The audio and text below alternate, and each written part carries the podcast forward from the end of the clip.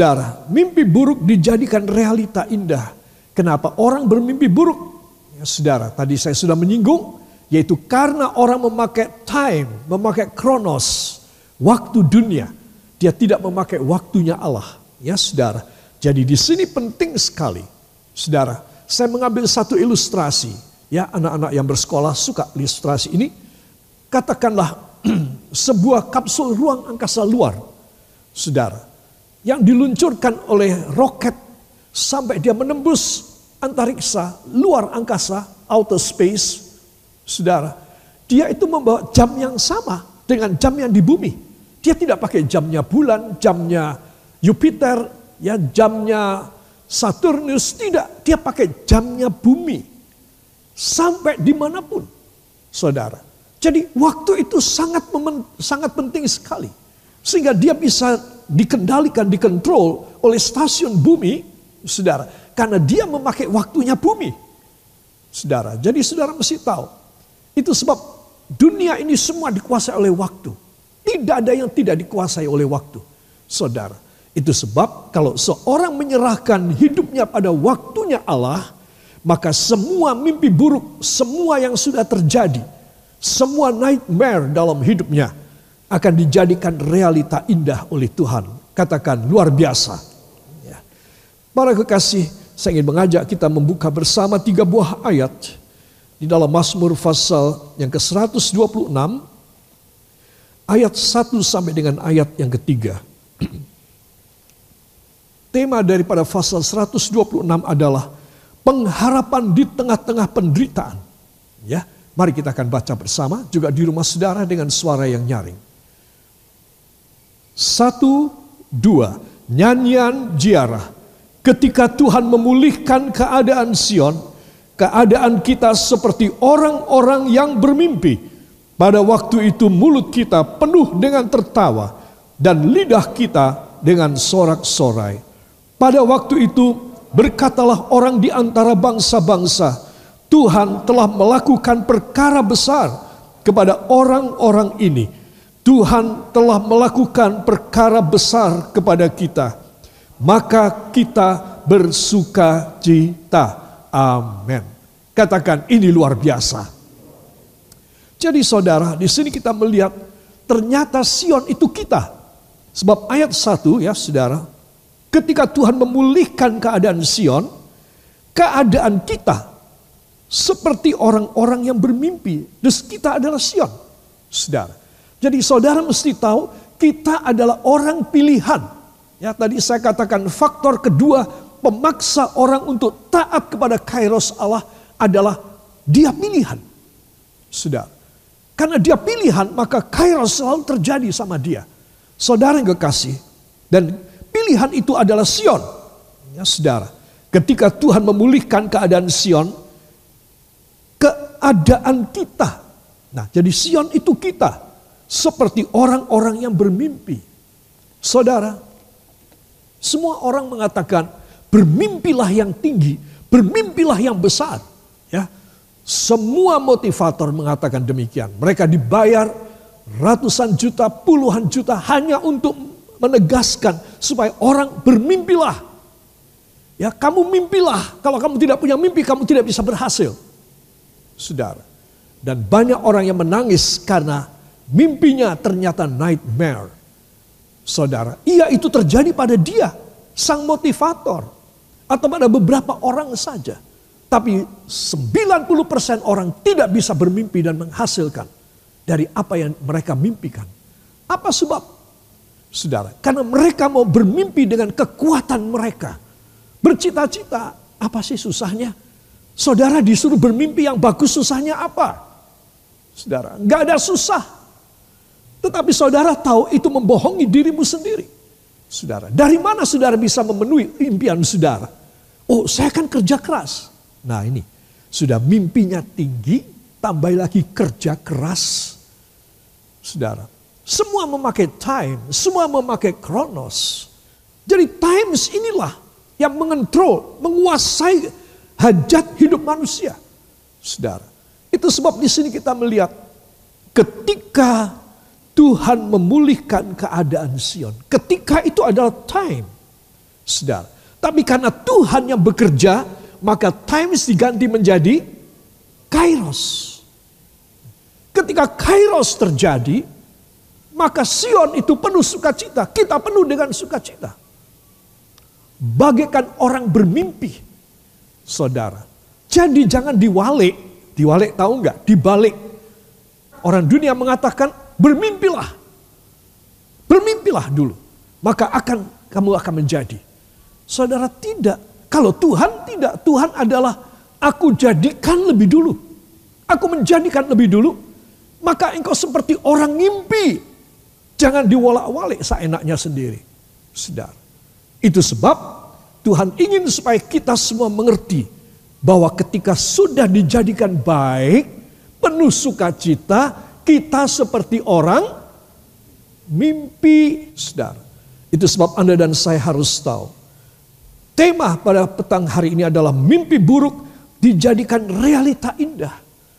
Saudara, realita mimpi buruk, mimpi buruk yang apa dialami oleh Sion. Mereka adalah orang-orang yang terjajah. mereka adalah orang-orang yang dirampas hak mereka. Itu sebab ketika terjadi kelepasan, Nehemia dan Esra, Imam Esra dan Nehemia, saudara membangun tembok Yerusalem kembali dan orang-orang kembali ke Yerusalem. Saudara, Nehemia memberikan perintah, Nehemia hanya bupati saja. Dia punya jabatan cuma bupati. Saudara. Ini bupati Nehemia. dia memerintahkan supaya semua tuan tanah mengembalikan tanah-tanah dari orang-orang yang tanahnya dibeslah, disita oleh mereka karena utang tidak bisa bayar. Kemudian siapa yang memberi hutang anggur harus dikembalikan hutang anggurnya. Siapa yang memberikan hutang uang harus dibebaskan. Saudara, semua macam yang sudah diperbudak harus dimerdekakan. Tanah mereka harus dikembalikan, mereka harus dibebaskan tidak lagi sebagai budak. Saudara, ada satu revolusi yang luar biasa yang membaharui Sion. Saudara. Nah, ini yang terjadi sehingga mereka kayak orang mimpi. Dari budak yang punya utang banyak, sekarang mereka menjadi berkelimpahan karena semua orang yang memberi hutang membebaskan saudara. Dan mereka justru membagi harta kepada mereka. Ini namanya mimpi indah. Dari mimpi buruk diperbudak. Hutang tidak bisa bayar. Anaknya disita. Istrinya disita. Saudara, sekarang mereka bebas. Dari mimpi buruk mereka mengalami realita yang indah. Saudara, mari terapkan dan minta supaya Tuhan menerapkan dalam hidup saudara. Saudara. Dan saya yakin bahwa setiap kita yang menyerahkan hidup kita ke dalam tangannya, kita akan mengalami hal yang sama. Katakan amin. Ayat yang kedua. Jadi waktu itu, pada waktu itu, mulut kita penuh dengan tertawa. Dan lidah kita dengan sorak-sorai. Pada waktu itu berkatalah orang di antara bangsa-bangsa, Tuhan telah melakukan perkara besar kepada orang-orang ini. Tuhan telah melakukan perkara besar kepada kita, kepada orang-orang ini, kepada kita. Wow, ya, realita indah. Saudara, maka kita bersuka cita. Amin. Itu sebab para kekasih, tidak ada alasan untuk saudara perlu bermimpi lebih dulu. Karena engkau tidak akan mendapatkan impianmu menjadi kenyataan. Ada alasan satu-satunya engkau mengalami pengubahan sehingga mimpi burukmu menjadi realita yang indah. Bagaikan mimpi. Katakan bagaikan mimpi. Setelah Allah melakukan perkara mujizat yang besar dalam sejarah hidup saya. Nah inilah maksud daripada firman.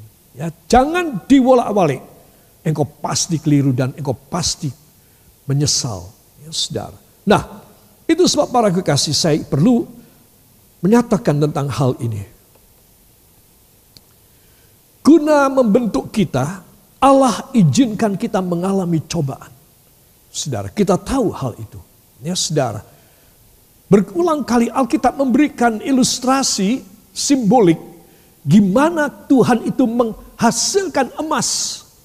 Pilihan itu emas. Ya. Bagaimana Tuhan menghasilkan pilihan yaitu perak. Kalau perak maka perak itu nilainya kalau murni 99 sterling. Kalau emas itu nilainya 24 karat. Bagaimana? Maka tukang emas dan tukang perak dia menghadapi kuali atau belanga yang khusus yang tahan panas dan di dalamnya itu ada emas ataupun ada perak, saudara, dan digodok.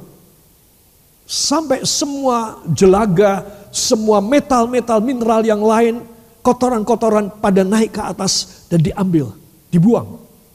Demikian terus menerus, berhari-hari. Sampai emas ini betul-betul menjadi 24 karat. Sampai perak ini menjadi 99 sterling. Saudara, Tuhan berkata, aku seperti pemurni perak. Sampai aku bisa melihat wajahku pada cairan perak ini. Wow, saudara.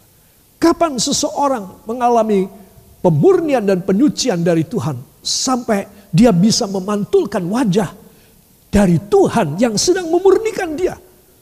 Memang itu tidak enak, itu mengalami cobaan namanya digodok tidak di, atas api. Saudara, itu tidak enak. Tetapi guna membentuk, katakan guna membentuk saya. Memiliki realita indah. Saya harus rela. Saya harus patuh pada kairos Tuhan. Termasuk bila mana saya harus mengalami ujian. Ya, ini. Jadi kita mesti tahu kita mengalami ujian, cobaan. Ya. Saudara, ketika hidup ini menyenangkan, ya, ini seseorang yaitu Johnny Erickson mengatakan demikian. Ketika hidup ini menyenangkan, kita akan suka mengetahui tentang Yesus. Ketika menyenangkan ya, kita suka mengetahui tentang Yesus, meniru dia, mengutip firman-Nya, serta membicarakannya, mengkotbahkannya. Tetapi hanya dalam penderitaan kita lebih mengenal Yesus. Hanya dalam penderitaan kita lebih mengenal Kristus. Saudara, ini benar sekali. Ya, saudara, itu sebab saya dan saudara perlu mengerti. Ya, yang menulis ini adalah Johnny Erickson Tada. Ya, saudara, dan dia betul-betul mengalami hal ini karena itu dia bisa menulis. Ketika hidup menyenangkan, tidak ada pencobaan, tidak ada ujian, kita suka tentang Yesus, meniru, mengutip firman, membicarakan, mengkhotbahkan. Tetapi hanya dalam penderitaan kita lebih mengenal Yesus. Saudara, ini penting sekali. Jadi di masa akhir zaman, saudara, ini ada faktor pemaksa yang orang harus dipaksa untuk turut dan taat kepada kairos Tuhan. Saudara, kita sudah membaca dalam firman supaya kita mengangkat salib dan mengikut Yesus.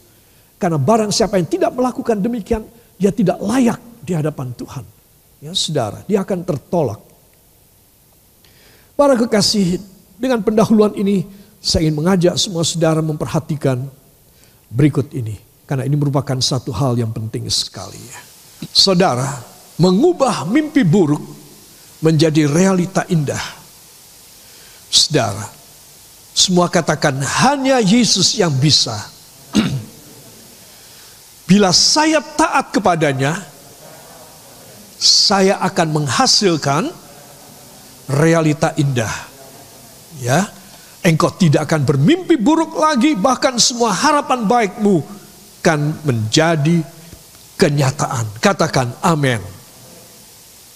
Saudara, itu sebab dalam Mazmur 126 tadi ayat 1 sampai 3 bagaimana kita melihat bahwa Sion, yaitu saya dan Anda sebagai Sion, saudara, kita bisa mengalami perubahan yang drastis sehingga dari air mata menjadi sukacita, sorak-sorai. Ya. Nah, inilah kenyataan yang indah yang harus kita miliki di dalam hidup kita. Para kekasih, penyebab mimpi buruk manusia apakah? Banyak orang hanya tahu di dalam hati dan tidak berani dan dan malu menyampaikan pada temannya, pada family, kepada istrinya atau pada suaminya, pada keluarganya. bahwa karena salahnya, karena kekeliruan dia, dia atau sekeluarga mengalami mimpi buruk. Tapi sudah tahu, sebetulnya sudah tahu karena salah, karena dosa terjadi mimpi buruk. Tidak mungkin dosa menghasilkan mimpi indah. Ya, jangan percaya bisikan iblis. Saudara, mimpi buruk karena manusia telah bersalah. Saudara. Karena kejahatan. Ya, saudara. Dan yang kedua, karena kemurtatan. Jadi kejahatan dan kemurtatan inilah membuat orang bermimpi buruk, hidupnya penuh dengan derita dan air mata. Saudara, kejahatan, ya saudara, Alkitab dalam Hosea 14 ayat 2 dan 3 mengatakan, fallen by iniquity. Jatuh karena kesalahan, saudara. Sehingga kita mengalami sesuatu kejatuhan karena kesalahan kita. Salah saja. Ya. Bahasa Indonesia mengatakan kejahatan. Padahal kejahatan itu sesuatu yang serius ya saudara. Tapi kalau kesalahan ini sesuatu yang lumrah dibikin oleh semua orang. Tetapi ke kesalahan, iniquity pun itu bisa membuat mimpi buruk dalam hidup saya, dalam hidup saudara. Jadi betapa penting orang harus lebih total berserah kepada Tuhan Yesus dan orang lebih banyak mengenal firman. Amin. Itu sebab saudara kata fallen by iniquity ini perlu kita ketahui. Ini beda dengan kejahatan. Dalam Alkitab bahasa Indonesia katakan karena kejahatan. Jahat ini benar-benar jahat. Tidak sampai begitu jahat. Saudara, barangkali cuma kesalahan saja. Tetapi kita sudah dianggap jatuh oleh Tuhan.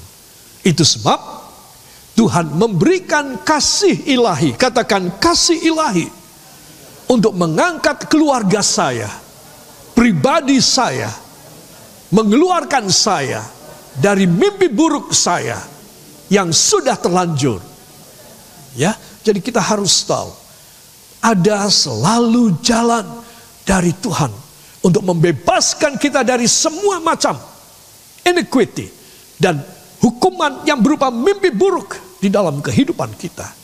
Saudara, itu sebab hal ini perlu saya dan saudara mengetahuinya ya. Dalam 2 Timotius 1 ayat 6 dan 7 mohon dibuka pada Alkitab saudara.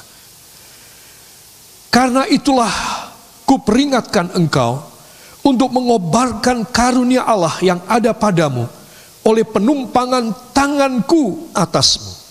Sebab Allah memberikan kepada kita bukan roh ketakutan, melainkan roh yang membangkitkan kekuatan, kasih, dan ketertiban. Amin. Katakan ini luar biasa. Saya ingin dibangkitkan dalam pribadi saya oleh kasih Kristus. Saudara, jadi di sinilah kalau kita merasa Tuhan, masa ini kesalahan begini aja, engkau menyalahkan saya, engkau menghukum saya. Saudara, sering kali kita merasa demikian. Itu karena kita dieman, dipilih. Kita sudah dijagai jangan sampai kita terperosok lebih jauh. Ya saudara. Jadi saudara yang kekasih, Tuhan tuh memberikan cara yang mudah dan normatif sekali buat kita. Jadi kita tidak usah mengusahakan jungkir balik luar biasa. Enggak. Saudara, sesuatu hal yang normal, yang normatif, yang Tuhan mau berikan dalam hidup kita. Yaitu supaya kita punya kekuatan, ya saudara, kita punya keteguhan, kita punya ketertiban, ya saudara, supaya apa? Supaya kita ini selalu ada di hadirat Tuhan. Saudara, ini roh kudus. Maka apa yang akan terjadi? Saudara, dalam lingkup kita yang kecil, tidak ada lagi mimpi buruk Ya, perusahaan akan mempunyai produktivitas yang tinggi, mempunyai benefit yang bagus, dan lain sebagainya. Kemurtatan. Saudara, pada akhir zaman kemurtatan ini luar biasa. Saudara, perhatikan anak-anak Anda. Jangan membiarkan ah nanti biar milih sendirilah kepercayaan apa dia mau anut, terserah dialah. Kita kan bebas, kita orang tua bebas. Orang tua bebas, orang tua menjerumuskan. Saudara. Orang tua itu tidak dikasih kebebasan sama Tuhan. Salah. Yang bilang kepada orang tua kebebasan itu setan. Allah memberikan perintah. Hai para orang tua, didik anakmu.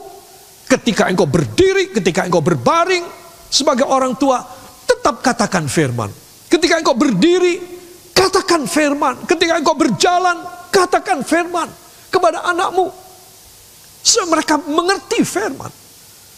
Jadi kalau orang tua mengatakan saya membebaskan anak-anak saya. Saudara, ini orang tua dilatih menjadi alat daripada setan.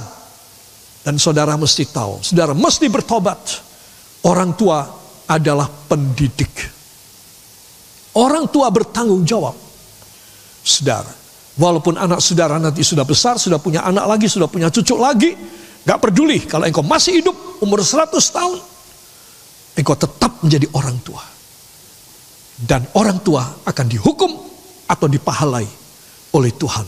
Sesuai dengan apa yang dia lakukan dalam pendidikan kepada anak keturunannya. Jadi jangan bilang engkau bicara dengan enteng, saya ini bebas. Kenapa? Saudara, penganut-penganut kepercayaan dan agama lain tidak demikian. Mereka mengharuskan anak mereka. Hanya orang Kristen yang macam kayak begini. Itu sebab Anda dan saya harus tahu. Kita harus takut kepada Tuhan. Orang tua harus mendidik anak-anaknya karena takut kepada Tuhan. Karena orang tua takut sama Tuhan. Bila orang tua takut sama Tuhan, mereka akan memberikan pendidikan yang baik dalam rohani kepada anak-anaknya. Saudara.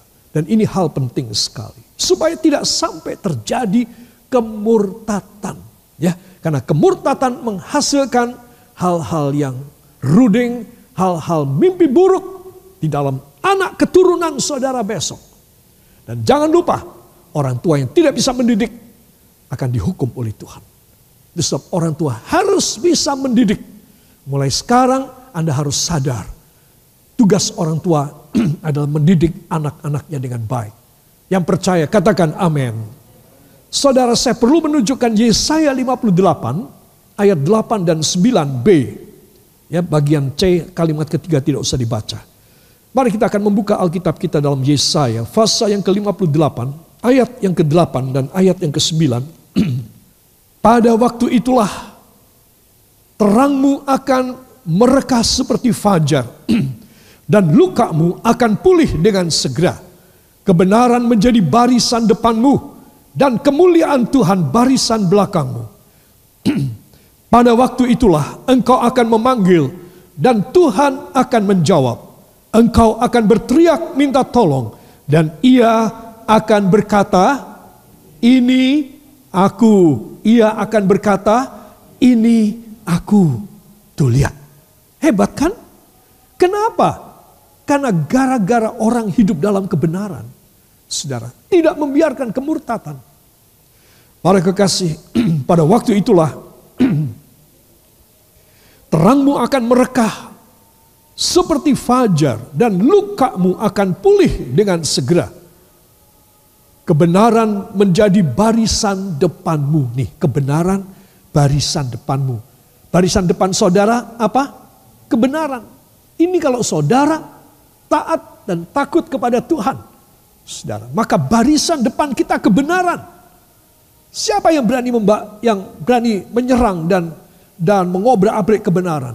Tidak ada, karena kebenaran itu adalah Kristus sendiri. Amin. Nah, kalau orang dipimpin dalam kebenaran, katakan bila saya dipimpin oleh kebenaran, kebenaran menjadi barisan depan saya, maka saya akan diikuti dengan kemuliaan Allah yang menjadi barisan belakang saya. Tuh lihat, hebat kan? Saudara orang tua macam begini, dan saudara mendidik anak dengan baik, saudara engkau ada dalam barisan diapit di tengah-tengah, di depanmu kebenaran, di belakangmu kemuliaan. Yang percaya beri kemuliaan yang baik bagi dia. Haleluya. Itu sebab saudara yang kekasih, pengurapan minyak penting sekali. Saya ingin mengajak semua membuka Markus pasal yang ke-6 ayat 7, 12 dan 13. Ia memanggil kedua belas murid itu dan mengutus mereka berdua-dua Ia memberi mereka kuasa atas roh-roh jahat. 12. Lalu pergilah mereka memberitakan bahwa orang harus bertobat. Dan mereka mengusir banyak setan dan mengoles banyak orang sakit dengan minyak dan menyembuhkan mereka. Katakan, wow banget. Ya, saudara. Ini Tuhan memilih, Tuhan memanggil 70 murid dan mengutus dua, dua, dua dalam 35 kelompok. Saudara dan sudah pasti mereka membawa minyak. Karena mereka mengusir setan dan mengoles orang-orang sakit dengan minyak dan menyembuhkan semuanya. Jadi saudara yang kekasih, dari slide ini mimpi buruk itu bisa dirubah kalau kita diurapi lebih dulu oleh kuasa roh kudus dalam hidup kita. Katakan luar biasa. Saya harus mengalami berulang kali Pengurapan tidak hanya cukup satu kali. Saudara, pengurapan harus berulang kali. Karena pada saat kita menjamah dahi kita dengan minyak urapan, saudara, maka di saat itulah Allah bekerja dan Allah membuat satu perubahan, satu revisi, renovasi, rehabilitasi, rekonstruksi dalam hidup kita sehingga kita dibaharui segala sesuatu kita untuk sesuai dengan kehendak Tuhan. Dan ingat, kalau itu terjadi pada kita, kita akan mengalami realita yang indah. Amin. Saya akan tutup dengan sedikit lagi. Saudara. Dan ini adalah pelajaran yang penting sekali.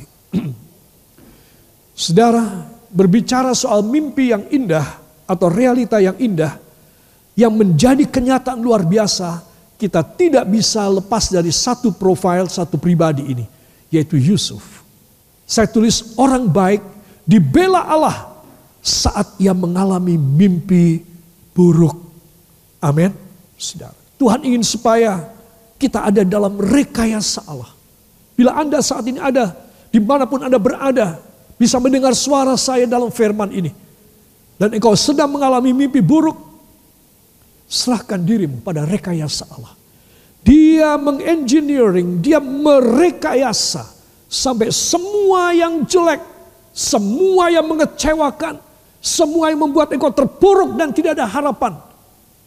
Dijadikannya mulia. Hanya karena engkau menjadi orang yang berkenan dan baik di hadapan Tuhan. Jadilah orang baik. Orang baik dibela Allah saat ia mengalami mimpi buruk dalam hidupnya.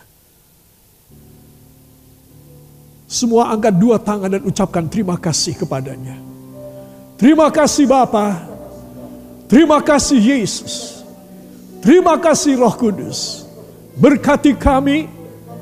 Sembuhkan kami. Biarlah rekayasa ilahi. Mengubah mimpi buruk kami. Menjadi realita indah. Mulai dari saat ini. Seumur hidup kami Para kekasih diberkatilah saudara. Di rumah saudara, mata pencaharian saudara. Studi pelajaran sekolah anak-anak. Hari tua kakek dan nenek yang sudah sepuh. Diberkati semua pengembalian persepuluhan saudara.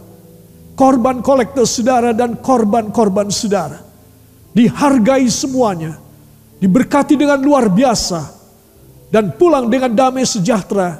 Tinggal di rumah saudara dengan damai sejahtera. Mulai dari malam hari ini hanya di dalam nama Tuhan Yesus Kristus, Juru Selamat dan Penebus kami. Dan kita semua mengaminkan. Amin.